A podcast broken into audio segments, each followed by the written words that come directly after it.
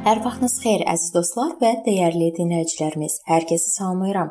Mənim adım Sona və sizi Allahla 5 dəqiqə adlı podkastımızda xoş gördüm. Bu gün mən sizinlə müqəddəs kitaba əsaslanan xilasa əminlik barədə danışmaq istəyirəm. Bu gün xilas olacağına inamın ən azı 2 növü mövcuddur. Biri insan qəlbinə möhkəm sülh gətirir. Digəri də sülh gətirir, amma bu sülh səbatsızdır və bir qayda olaraq qısa müddətli olur. Bu iki növ əminliyi müqayisə edəndə görürük ki, müqəddəs kitabla təsdiqlənən əminlik həqiqətə söykənir. Süni əminlik isə insan təfəkkürünün və ehtimalların məhsuludur. Həqiqəti bilmək qəti əminlik üçün zəruridir. İndi deyəcəyim müqəddəs kitabdan biliklə əminlik arasında qarşılıqlı əlaqəyə işarə edən bir sıra parçalar var. Kolosilərə 3:24-də yazılıb: Bilin ki, Rəbdən bunun əvəzinə irs alacaqsınız, çünki siz Rəbb Məsihə qulluq edirsiniz. Qalatiyalılar 2:16 Lakin biz bilirik ki, insan qanuna əməl etməklə deyil, yalnız İsa Məsihə iman etməklə salih sayılır. Biz də Məsih İsa'ya iman etdik ki, qanuna əməl etməklə deyil, Məsihə olan imanla salih sayılaq. Çünki qanuna əməl etməklə heç bir insan salih sayılmaz. Bilin ki, istər qul, istərsə də azad, hər bir kəs gördüyü yaxşı işin əvəzini Rəbdən alacaq. Efeslilərə 6:8. Romalılara məktub 5 1-dən 5-ə qədər İbranilərə 10-cu fəsil 34-cü ayə və Yaqubun məktubu 1-ci fəsil 3-cü ayədə həmçinin həqiqət haqqında biliklə əminlik arasında əlaqə göstərilib. Müqəddəs kitabdan olan bu mətnlər sınaqlar dövründə dərin ruhlandırıcı mənbədir. Çünki hazırki və gələcək xeyir-dualar barədə xatırlatmalar edir. Əminliyin daha bir ayrılmaz hissəsi inamdır.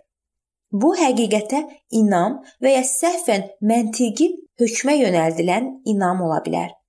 İnsanı bu və ya digər istiqamətə yönəldən elə budur. İbranilərə 11-ci fəsil 6-cı ayədə yazılıb: İman olmadan Allahı razı salmaq qeyri-mümkündür. Çünki Allaha yaxınlaşan şəxs inanmalıdır ki, o var və onu axtaranlara mükafat verir. Düşünün və bu cümləni Yeremiya 17-ci fəsil 5-ci ayə ilə müqayisə edin.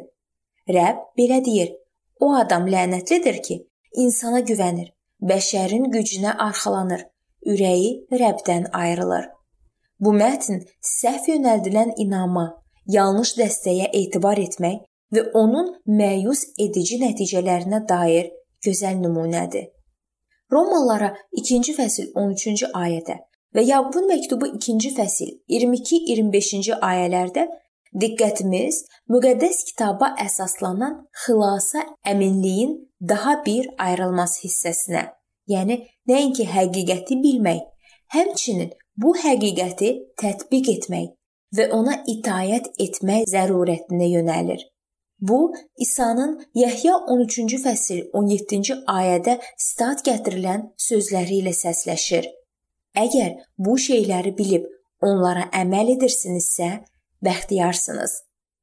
Qarşılıqlı sevginin təzahürü İsa'nın şagirdlərinin fərqləndirici əlaməti adlandırdığı bu itayətin əsas hissəsidir. Yəhya 13:35 Romalılara məktub 8-ci fəsil 28-ci ayədə həmçinin cismani adamların anlamadığı və ya inkar etdiyi iddianı görürük.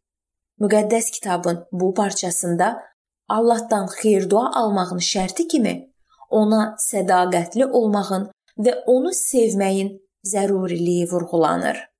Bu mövzunun davamını biz növbəti görüşümüzdə araşdıracağıq.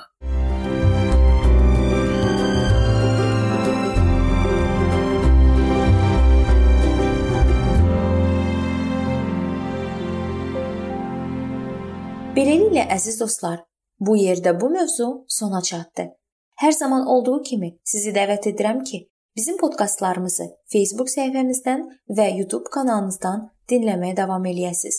İndi isə mən sizinlə sağollaşıram və növbəti görüşlərdə görmək ümidi ilə sağ olun, salamat qalın.